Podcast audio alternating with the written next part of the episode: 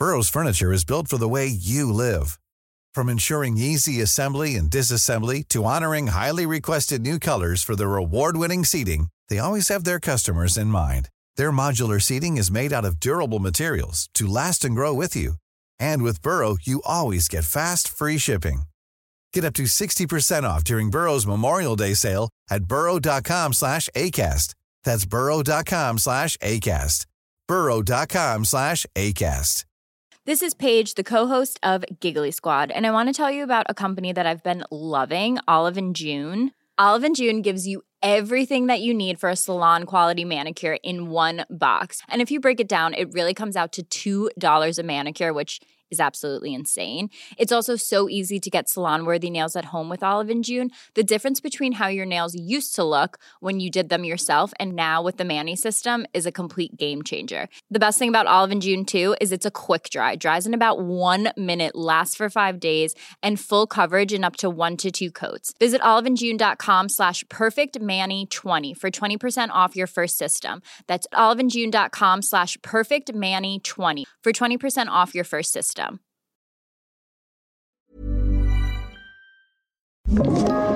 Podplay.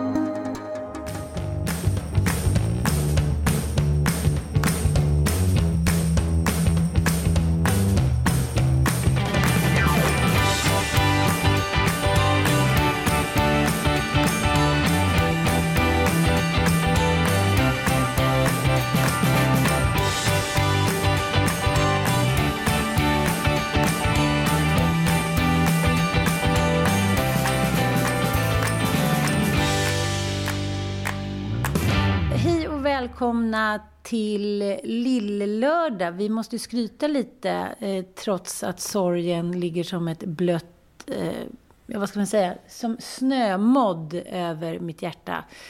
Så har vi ju också blivit intervjuade. Ja, Precis, om Lille Lördag. Little Lordag. Ja, det- Utav självaste BBC. Precis. Och jag var så här, jaha, gud var det här någon som vill intervjua någonting om Lille Lördag? Jag skickar vidare till Anita. Jag fattade inte riktigt eh, höjden på, på intervjun. Det var ju jättekul. Förstår att vi är liksom the, nation, the Swedish national podcast at the moment. Since we are being transcribed to, to Canada and UK. Precis. Eh, orsaken var, eller anledningen var ju att de skulle prata om fenomenet Lille Lördag som de då hade hört talas om. Ja, det är ju väldigt trendigt i utelandet, de engelskspråkiga utlandet. Nu har ju varit hygge då som har pågått i två år och det är det danska uttrycket för trevligt eller mysigt. Som inte de har ett, eh, ett, komp- vad ska man säga, ett motsvarande begrepp för, för. Och då har man ju då börjat oh, where are you going guys? Ah, I'm going to this hygge place. Och så har man liksom, ja, har det varit hygg, hy, ett mysigt ställe helt enkelt. Eh, och nu har de ju då anammat då Lillelördag. Och vad hittar de då efter några googlingar? Jo, våran podd! Ja. Det var lite roligt. Det var en, en djuplodande intervju och till slut kände jag lite så här, men nu kan vi liksom inte, nu finns det inget, nu är pungen, Lille Lördag-pungen tömd. Och sen fick jag ännu ett, ett, ett, ett, eh, mejl där det stod så här, ja jag hörde att eh, du sa att ni hade haft covid. Eh, hur har ditt liv förändrat sig och hur har du förändrat ditt liv efter det här? Och jag var så här, oj, eh, ja då får vi hitta på någonting. Ja, herregud. Men du, hur är det? Du får ändå till några skratt ibland. Det gör mig ändå glad. För jag vet ju själv hur det är. Usch, Det är så Precis. hemskt att vara i den där åldern nu när föräldrarna börjar gå bort. Det är ju speciellt. Det kan man ju inte komma ifrån. Nej, jag var ju för sig 24 när min mamma gick bort. Så att, eh, Ja. jag förstår Dumt vad du menar. Ja. Nej, men, men jag tycker att det där är väldigt intressant, speciellt eftersom jag har fått så många DM av människor jag inte känner. Och eh, ja, men även om ens föräldrar liksom som en siffra, att det inte är något märkligt att, att hen lämnar jordelivet, så är det alltid en, sen, liksom en sån otrolig chock. Och eh, som jag också skrev i mitt inlägg så är det så här, jag vill vara någons dotter ett tag till. Jag är liksom jag känner mig för liten och ung för att vara matriark, liksom matriark och den äldsta. Nu är liksom, it's me next to come. Det är en väldigt märklig känsla alltså. Mm. Ja, den är ju speciell. Jag mm. har ju själv den känslan att man så här... Nästa gång någon dör, ja då är det jag som är längst ut på plankan. Min mamma har ju inte gått bort än, men hon är ju svårt sjuk i demens. Så att ja. Hon är ju inte riktigt levande om man säger så. Nej, precis, precis. Det, men jag, det var väldigt trösterikt det du sa när jag var så ledsen där. Det blev väldigt chockartat allting, men ändå inte om du förstår. Det gick ju mm. hastigt och lustigt. Ja, att han då skulle flytta hem till Katrineholm, som du har pratat om. Och sen så sa jag, du får inte flytta och hem. hur mycket du har varit emot det. Ja, och jag sa, du kommer liksom dö om du eh, flyttar tillbaka till Katrineholm, om du inte får hjälp eh, av Rosmarie och sådär stod tog det två dagar efter hon hade åkt hem då. Sen så hittades han död. Så det var ju, det var lite som att, ja, lite som en här, elefant som gick undan för att dö på något sätt. Fast du kände också honom. Han var ju inte så, vad ska jag säga, han var ingen sån planerare, utan jag tror bara att hjärtat stannade. Liksom. Han tutade vid sig lite vin och någon sömntablett och sen så skulle han upp och kissa och sen så, så orkade inte hjärtat. Liksom.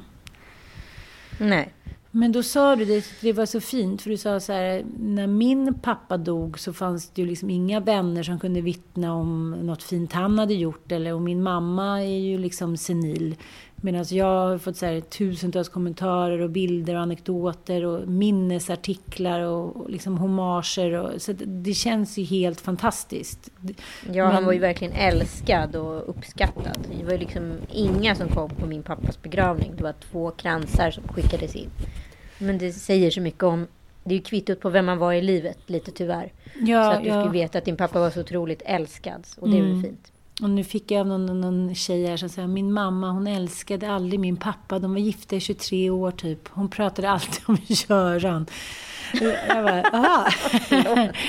och så var the ladies man. Och eh, han var ju liksom, ja, men, kanske lite som jag då, men ganska eh, natur... Ganska mycket som, som du skulle ja. jag säga. ja, som har träffat honom. Ja, så det känns ju lite som att så här, att jag också blev lite vuxen när jag hörde att han hade gått bort. Som att allting lugnade ner sig lite. Jag kan inte riktigt beskriva, men som att så, här, så länge han fanns då var det typ Heran och Halvan och Piff och Puff och Toker och, Jokern liksom, som eh, ramlade omkring i livet tillsammans och kunde ursäkta varandra på något sätt. Och nu när inte han finns så blev det lite så här, jaha, eh, nej det kanske var dags att ta tag i de där grejerna då. Jag vet inte. Ja, men... men det är också bra på ett sätt. Det låter ju kanske hemskt, men, men det är också bra för mm. barn att här, se att en person försvinner, om man nu pratar om det psykologiskt. För att det är så mycket man tar för givet och när en person upphör på det där sättet eh, så blir det väldigt verkligt för dem och de blir också väldigt så här de förstår på, ett, på en ny nivå liksom funktionen med föräldrar. Mm, Förstår du vad jag mm, säger? Jag fast det liksom, är kanske lite too soon. Mm, jo, men han, han var ju 76 och jag kände det när vi hade den här 75-årsfesten för honom förra året. Att han var ju inte liksom mint condition om man säger så. Han har ju inte tagit hand så himla mycket om sig själv. Men ah, det är ändå liksom så chockartat. Och han har ju varit så mycket i mitt liv under så många år. Eftersom han inte liksom, ja, han, han, han har inte haft mamma och sen nu han, ja, han är liksom, han är inte den som ringer och tycker att han stör, om man säger så. Nej.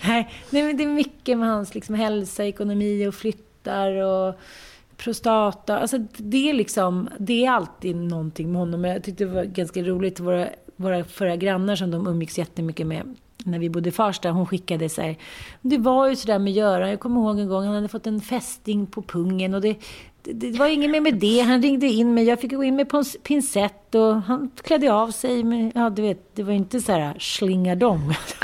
Stolthetens puttefnas. Nej, det var liksom, alltså, han fick en att känna sig jävligt avslappnad. Förstår du vad jag menar? Jag, menar, jag tänker så om jag skulle åka ner till er och så, hjälpa Joel med en fästing i pungen. Alltså, sen skulle jag ju aldrig kunna se honom i ögonen. Nej, men, man måste det tror jag är ömsesidigt. Nej, men alltså, det skulle ju inte gå. Nej, nej jag fattar. Men Göran var ju fantastisk. Jag kommer ihåg vi käkade mid lunch någon gång där på Sturehov. Det är väl mm. en av de få gångerna jag träffade honom. Jag tror jag träffade honom tre gånger. Med mycket snabbare tillfällen. Ett par gånger hemma hos dig och så käkade mm. vi lunch en gång. Det var en väldigt rolig lunch. Det är en person som liksom är liksom ett arkiv av anekdoter mm. och man vill liksom inte sluta hänga med Köris. Nej, och, Han är ju fantastisk.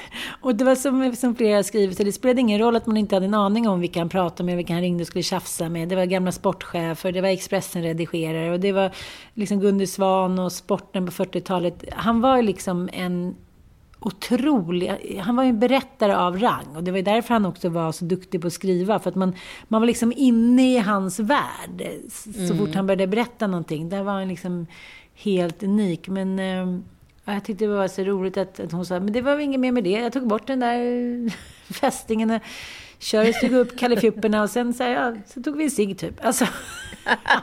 det var inget mer med det. Vi har delat en fin stund du och jag.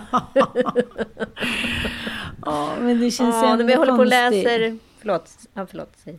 Nej, men det känns... Du vet också när man är mitt uppe i det, eftersom han precis hade flyttat. Jag vet ju liksom inte ens knappt var han bodde och har han några pengar? Det har han förmodligen inte. Och, men man ska säga upp lägenheten. Det är ju massa praktiska grejer och det kommer jag ihåg från när min mamma gick bort också. Att så länge pappa liksom hade mycket bestyr då, ja, men då höll han sorgen på liksom armlängds avstånd. Men sen när allt är klart och begravning, så det är då som jag tänker att den stora, stora tomheten kommer. Liksom. Så att det, ja, det går upp och det går ner. Och eh, jag bara, det känns också väldigt fint att att han ändå sista året fick bo där med Rosie i Tranås och bli älskad och liksom omtyckt. Sen var det ju lite sorgligt att det skulle sluta så här. Men, men uh, han fick i alla fall inte lida. Och jag vet inte, det är lite som han levde, så här, hand i mun. Det hade varit konstigt att se honom ligga och tyna bort till en liten eh, tanig binnikemask. Liksom. Det, det, var inte han på något sätt. Så jag, jag kan ändå känna att, att det kanske var ett bra sätt för honom att försvinna på, på något sätt. Ja, det mm. tror jag. På mm. det stora hela. Alltså, mm. Man får ju på något sätt märkligt nog det liv man, man skapar liksom. Och man får också den död man skapar på något sätt. Det tycker jag stämt i så otroligt många fall liksom, utav personer som jag känt som har gått bort. Att det låter också... Det är svårt att prata om sånt där när det är så nära inpå. Men mm. man får många gånger en död som passar en.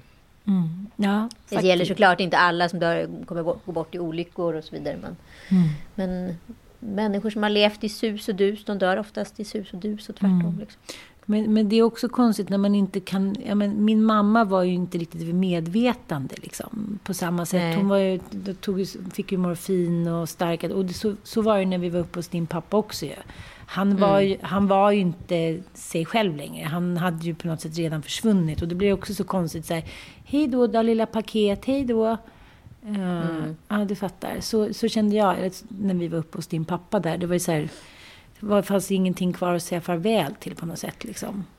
Nej, men det var det som ändå så här drabbande på något sätt med det där. Det är ju liksom att han hade ju bestämt sig för att han skulle dö och hade det som syfte med det han åsakade sig. Liksom. Mm. Men eh, ändå så ville han ju liksom inte släppa taget förrän han hade sagt hej då från mamma. Så vi var ju där dagen innan och sa farväl och sen så åkte jag ju upp dagen efter med mamma. Och mm. då på natten först, då släppte han taget och eh, somnade in. Liksom. Mm. Sen eh, kom han faktiskt och hälsade på mig ett år senare.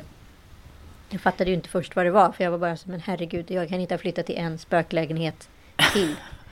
Då var det ju någon som gick här utanför sovrummet och hasade och flyttade på lite lådor och lite papper och det prasslade lite och höll på så här. Jag var så stekt. Jag tänkte nej, det här är så jobbigt. Eh, och sen kollade jag på vad det var för datum och då var det på hans dödsdag. Ett mm -hmm. år mhm. senare. Och sen kom han inget mer. Nej. Nej men, så det var... Ja, men, men en kompis till mig sa att du måste prata med, med vårt medium så, här, så kan du träffa honom nu. Jag, så här, jag är inte ens hun, säker på att han har hunnit över till andra sidan än. Det, det kan ta lite tid.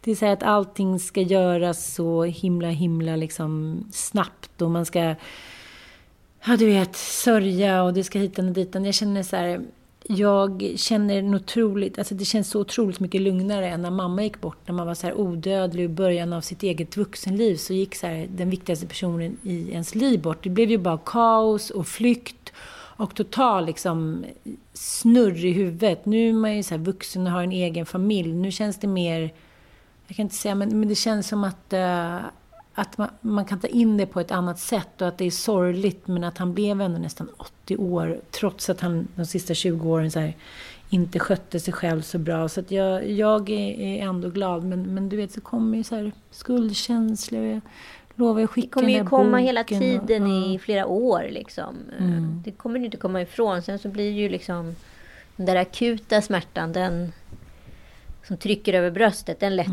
Mm. ju eh, ändå. Och jag, det finns ju någonting, det finns ju något logiskt i att en person går bort i den här åldern i livet. Liksom. Ja. Mer än att när en person går bort vid, vid liksom, hur gammal var din mamma när hon gick bort? Hon var ju 49. Ja, det, Mm. det finns ingen logik i det. Då blir det en... Det blir så stumt och så orättvist på något Mm, sätt. mm. Nej, man, det, det, det går inte att så här, man kan inte, det, gör ju fortfarande nästan ondare att tänka på, på mammas död än, än vad det känns att tänka på pappas, även fast det var 25 år sedan. För att den, den var så oklar och den var liksom så jävla orättvis och den var så lång, ja, den var så jävla utdragen. Och det kände jag också när de ringde då, för de ska ju ändå obducera honom eftersom han var ensam. Så ville de ändå se vad det var. Men sen vill du komma hit så här, och säga farväl. Och då tänker jag så här, men gud.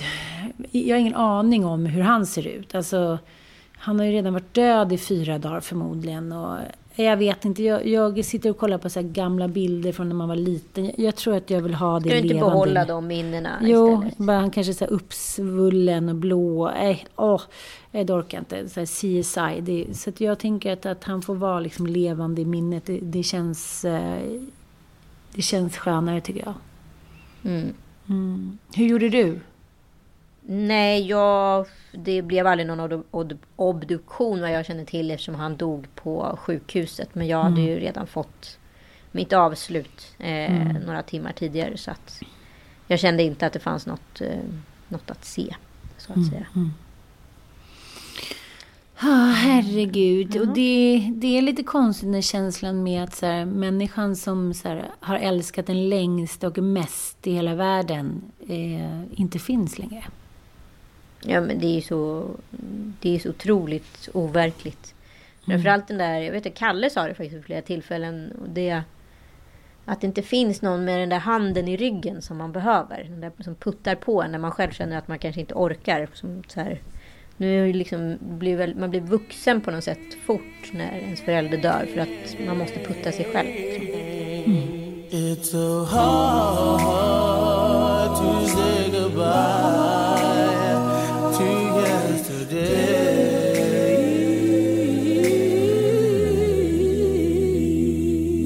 Men apropå män som dyrkar kvinnor, precis som din pappa gjorde med dig, så finns det en annan man som dyrkar sin kvinna på ett sätt som jag tror jag aldrig sett en man göra förr.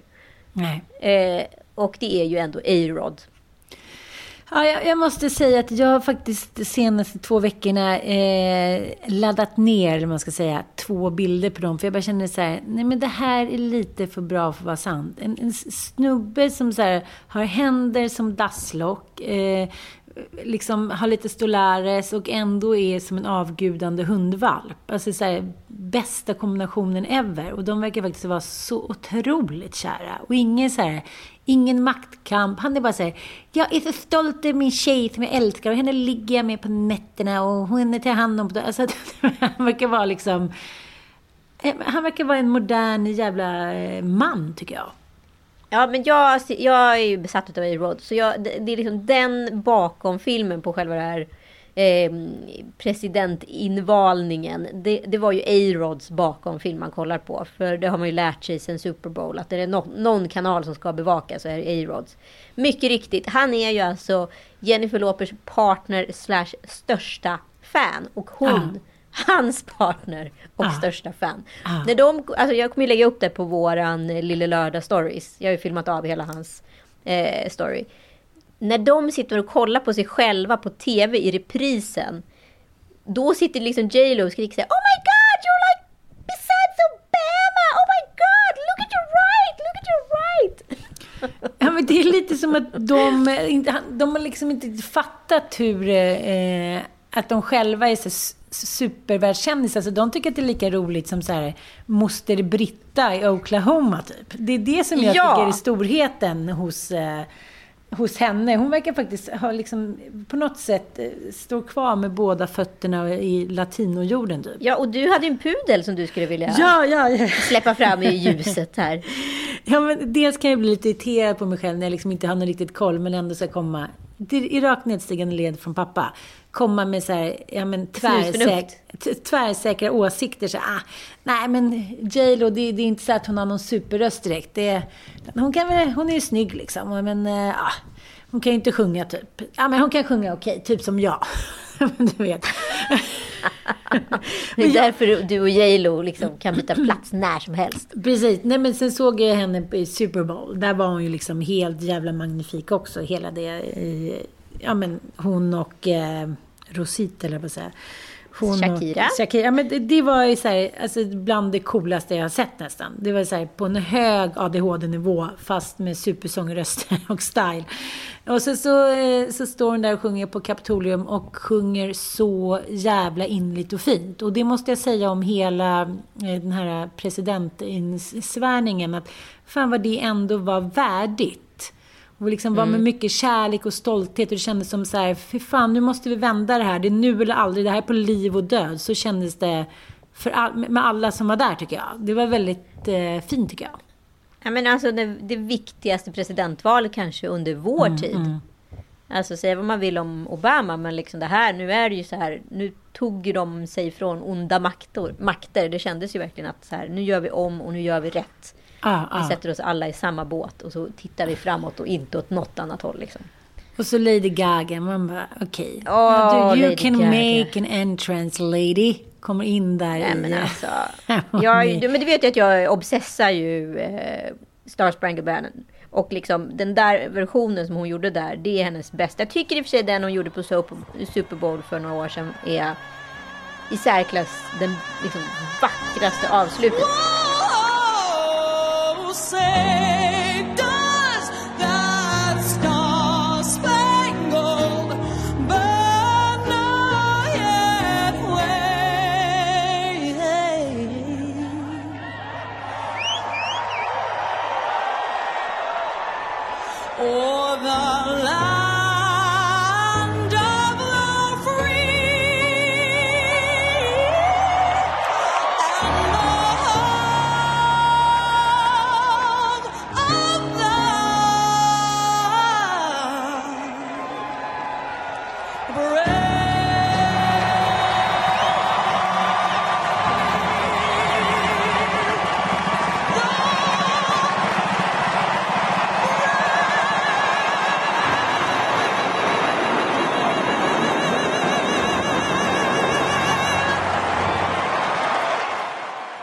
Här höll hon ju mer liksom, sig koncis, men det passade ju sammanhanget mycket bättre.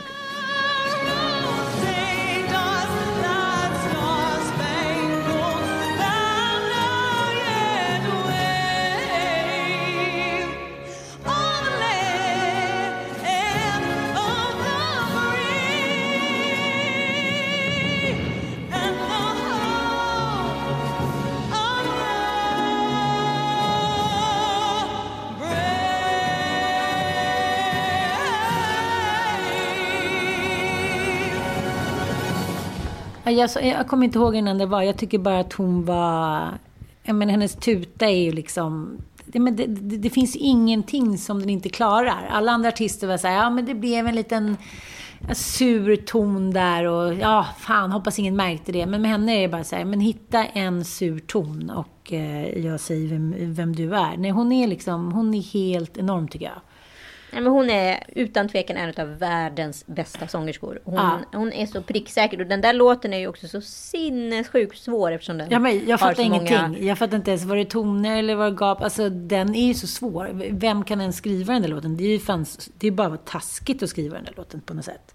Ja, men- Jättetaskigt skriva så svår låt. Men det, där kan vi berätta en liten... Det blir inte ens Diana moment, men, men du, du är ju faktiskt väldigt bra på att sjunga. De som har sett vår lilla show, eh, Kvinnogrisarna vet ju det, men, men eh, Har du, har du någonsin så gjort någonting av din sångröst eller är det bara att du kör på lite då och då och sådär? Nej, jag har en helt habil sångröst, men den, den lämpar sig för liksom Kiviks eh, stadspark. Kiviks marknad. det är där vi ska vara. Kiviks Det är marknad. där jag ska vara. Ja. Ja, det, det kommer inte bli mer än så. Jag tycker det är roligt att sjunga. Jag kan Ja, det är tycka det är roligt att underhålla med sång. Och jag skulle jättegärna liksom göra en musikal någon gång. Till, alltså få spela en musikal någon gång. Men, eh, men eh, det, det krävs ett kurage också hela vägen. Du gör det, du gör det. Men jag tycker det är så roligt det här med, med att det är så jävla många som sjunger i kör i Sverige. Men det är fler som sjunger i kören än de som tittar på. Men... Ja. Jo, men att det, det, så här, det är liksom eh, tillsammans... Så här, ridning och kör är typ två av våra största så här, sporter och eh, liksom Som hobbys. praktiseras utav fler, eh, Ja. fler än vad det tittas på. Det är Precis. väldigt men, intressant. Men en gammal klassiker, då är det tjejer. Ja. Det känns som att man bor så jävla litet nu fast man inte gör det. För att all, alla ljud har blivit större. Alla behöver egna rum. Förut var det så, gud vad härligt, vi träffas lite då och då och då sitter vi i vårt stora vardagsrum eller i köket. Men nu känner jag bara, gå in, gå in i era rum och sitt där. Det hade jag ju panik. Ja, men jag hade ju panik. Du vet, jag hållit på och öppnat hemma hos, inne i- till Dantes rum och så här. Han sitter där inne, han, kommer, han är olycklig typ. Nu är det så här, gud, var där inne. Gör ingenting, kom bara inte ut. Och eh, det där är ju lite roligt när man läser om så här bostadstrender, att alla vill ha, liksom, eh, alla vill ha större, och, eh, men alla vill ha liksom, fler rum så att man kan stänga in sig. Och jag tycker det är jävligt roligt också att prata med, med en kille som jobbar med inredning och han sa det, det går ju så jävla bra nu eh, med inredningsbranschen för att alla är ju hemma och tröttnar på sitt jävla hem. Alla börjar hata sitt hem. Och så känner jag också. Jag bara säger, nej men det här är inte alls fint det här hemmet. Det är stökigt och fult och jag vill göra om allt. Men det är bara för att jag är här hela tiden. Ja, men jag är också lite inne på att- runda två här hemma. Bara så här, nej men jag kanske ska byta sänggavel och hur var Jag har köpt ny soffa redan. Eh, och nu, jag ska, nu har jag satt, ska sätta upp nytt ljus i taket här.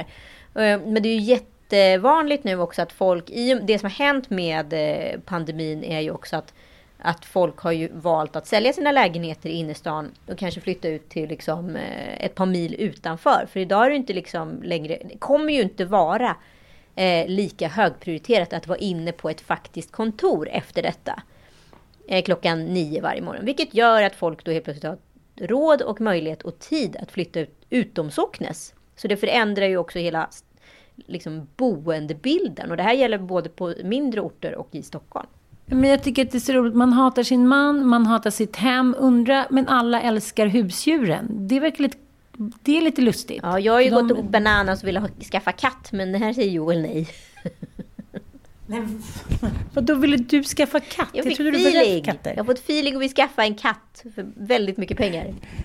Vad då för sorts katt? En sån där naken prutt? Nej, en maine coon. De är ju typ, de är ju som ett litet lejon. De är ju också liksom, de är en halv, en halv meter lång bara i kroppen och sen så ganska hög i växten. De väger ju så här 20 kilo typ.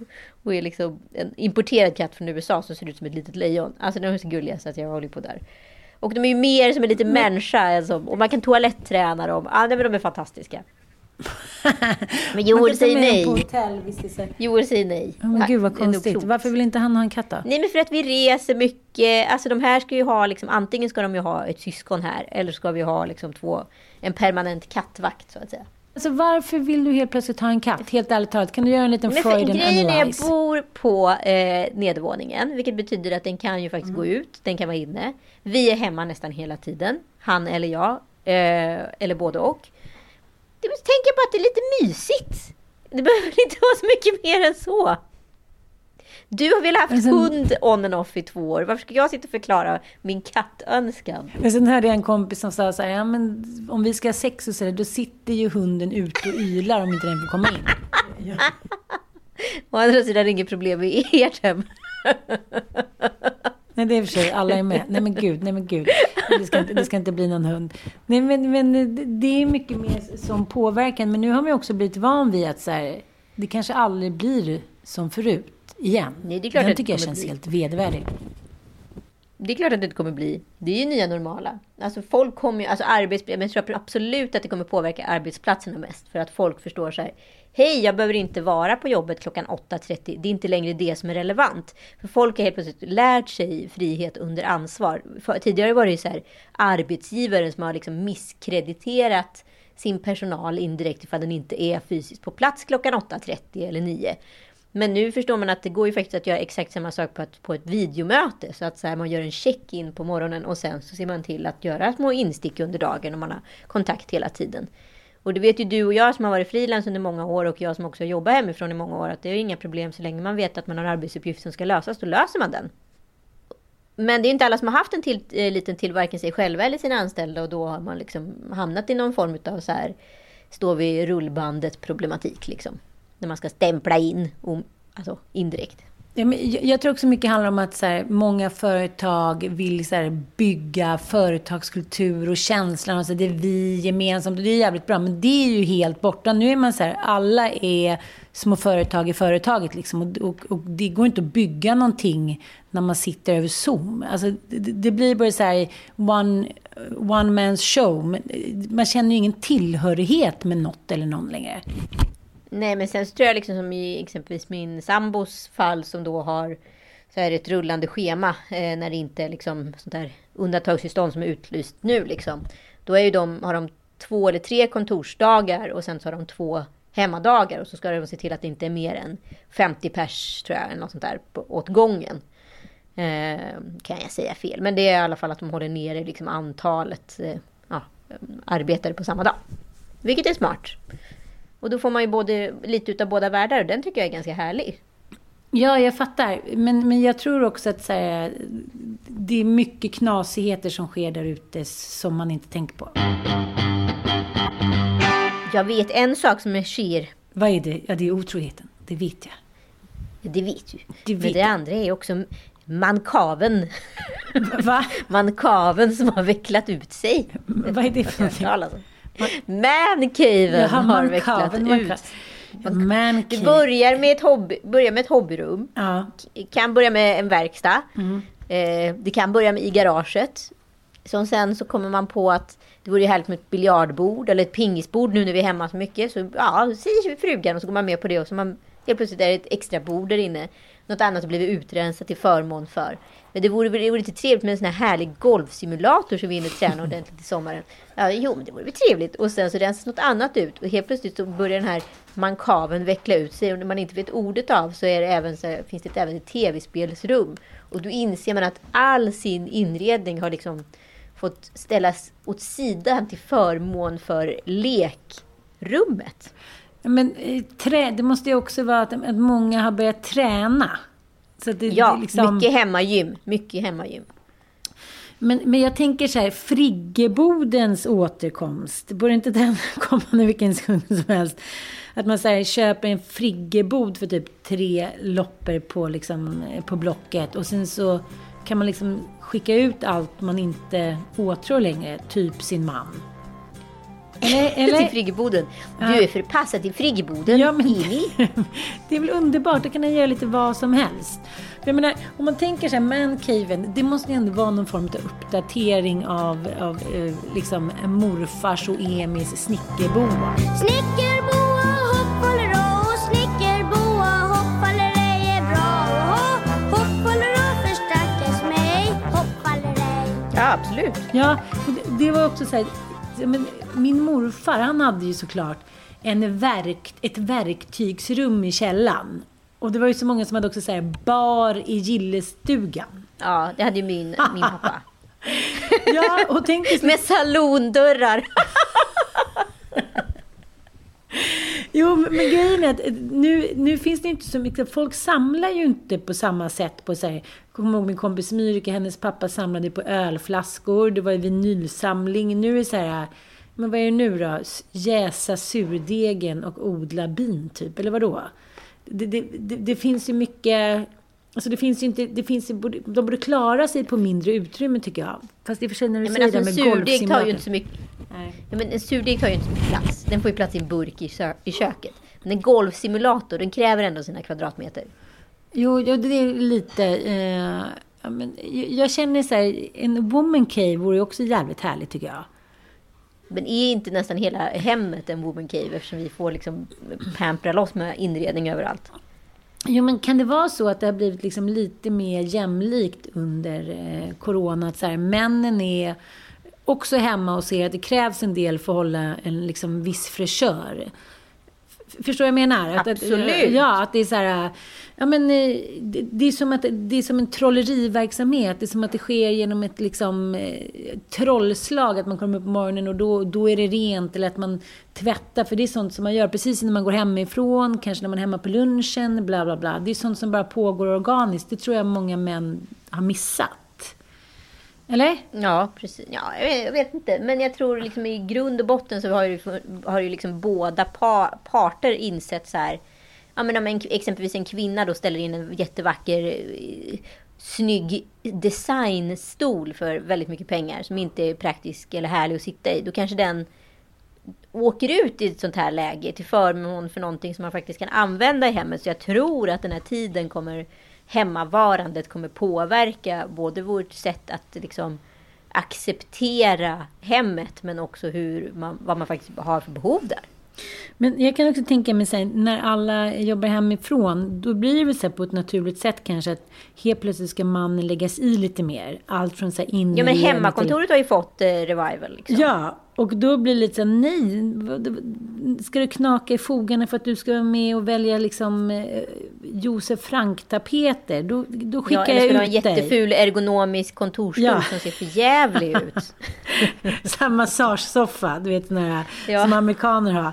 Nej men jag tror att det där kan påverka väldigt mycket. Att, så här, att man börjar helt, helt enkelt inse att så här, fan vad det här var mycket viktigare än vad jag trodde även för mig. Nej men min, min kompis man har då skaffat både pingisbord, golfsimulator och eh, lite heminredning. Men som pricken över i. En så, exakt en sån där stor jävla massagestol. Som man, Men det skulle jag inte gå med på. ut som det. fågelfenix Ja. i, i något var. Och hon håller på att bli galen nu. För nu har hon insett så här. Det började som ett litet härligt projekt. Och nu börjar han ta, ta över hemmet. Det här går inte. Jag måste sätta stopp. Och då visar det sig att allting är bara en stor jävla scam och chimär. Alltså kvinnor vill att männen ska lägga sig i och ta mer ansvar. Nej, det är på gott och ont där att männen ska lägga sig i. Vi kanske bara... Hem, hemmafrun är död, lä- länge lever hemmafrun. Det är, jag tror att det också är så jävla imploderat i vårt DNA. Vi har liksom alltid varit i grottan, hemma. Det liksom finns i oss. Sen kan vi äventyra eh, liksom hit och dit eftersom vi är moderna kvinnor. Men sen när männen ska så här, vara hemma med oss, det, är det är inte fräscht. Jag tycker inte att det är fräscht. Inte fräscht. Nej. Åh gud, jag måste, jag måste djupandas. Och, eh, ja, jag måste nog djupandas i, i, i några sekunder nu.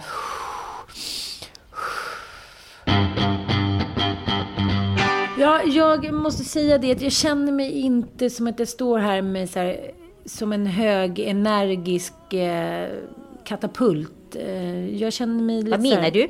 Vad menar du? Tycker du inte? Jag liksom, du vet, man försöker hitta ord, man försöker hitta energi, man försöker säga någonting roligt och smart fast man bara eh, tänker på att man ska ringa, ringa obduktionsbettan eh, innan obduktionen i Solna stänger. Så att, eh, jag eh, hoppas att ni har lite tålamod med mig den här veckan, kära lyssnare. Och jag skulle också riva av en liten extra eh, Lillelördag stories om eh, Dolly Parton. Men eh, jag älskar Dolly och det tycker jag är mycket liksom, det- är mycket komplext med hela hennes eh, liv och vad hon lämnar efter sig och arv, och countryn och feminismen och att hon, hon är lite dubbelbottnad. Hon både vrider klockan tillbaka 50 år och vrider fram den i och med sin, sin liksom super business wise. Så att jag tänker att vi sparar helt enkelt det till nästa vecka när jag är lite mer, eh, ja, vad ska man säga, uppeldad och samlad än vad jag är nu. Jag hoppas att ni eh, förstår det, kära lyssnare. För det, det sista jag vill är att ni ska bli besvikna på mig. Det är ingen som kommer bli besviken än. Vi gör helt enkelt så och eh, tycker det låter klokt utav dig. Mm. Vi hörs om en vecka. Puss och kram. Tack för att ni är med oss. Puss och kram och eh, nu ska jag börja planera min, min woman cave här hemma. Den ligger i ett annat land. Det låter jättebra. Jag följer med. puss och kram. Hej, hej. And I'll take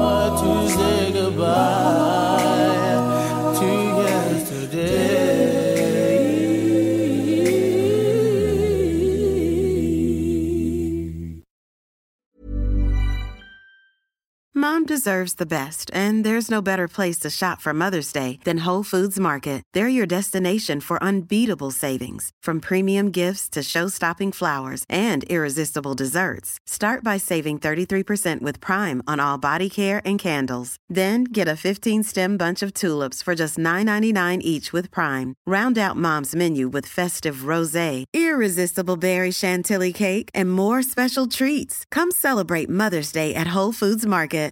Imagine the softest sheets you've ever felt. Now imagine them getting even softer over time. That's what you'll feel with Bowl and Branch's organic cotton sheets. In a recent customer survey, 96% replied that Bowl and Branch sheets get softer with every wash. Start getting your best night's sleep in these sheets that get softer and softer for years to come. Try their sheets with a 30-night guarantee. Plus, get 15% off your first order at bowlandbranch.com. Code BUTTERY. Exclusions apply. See site for details.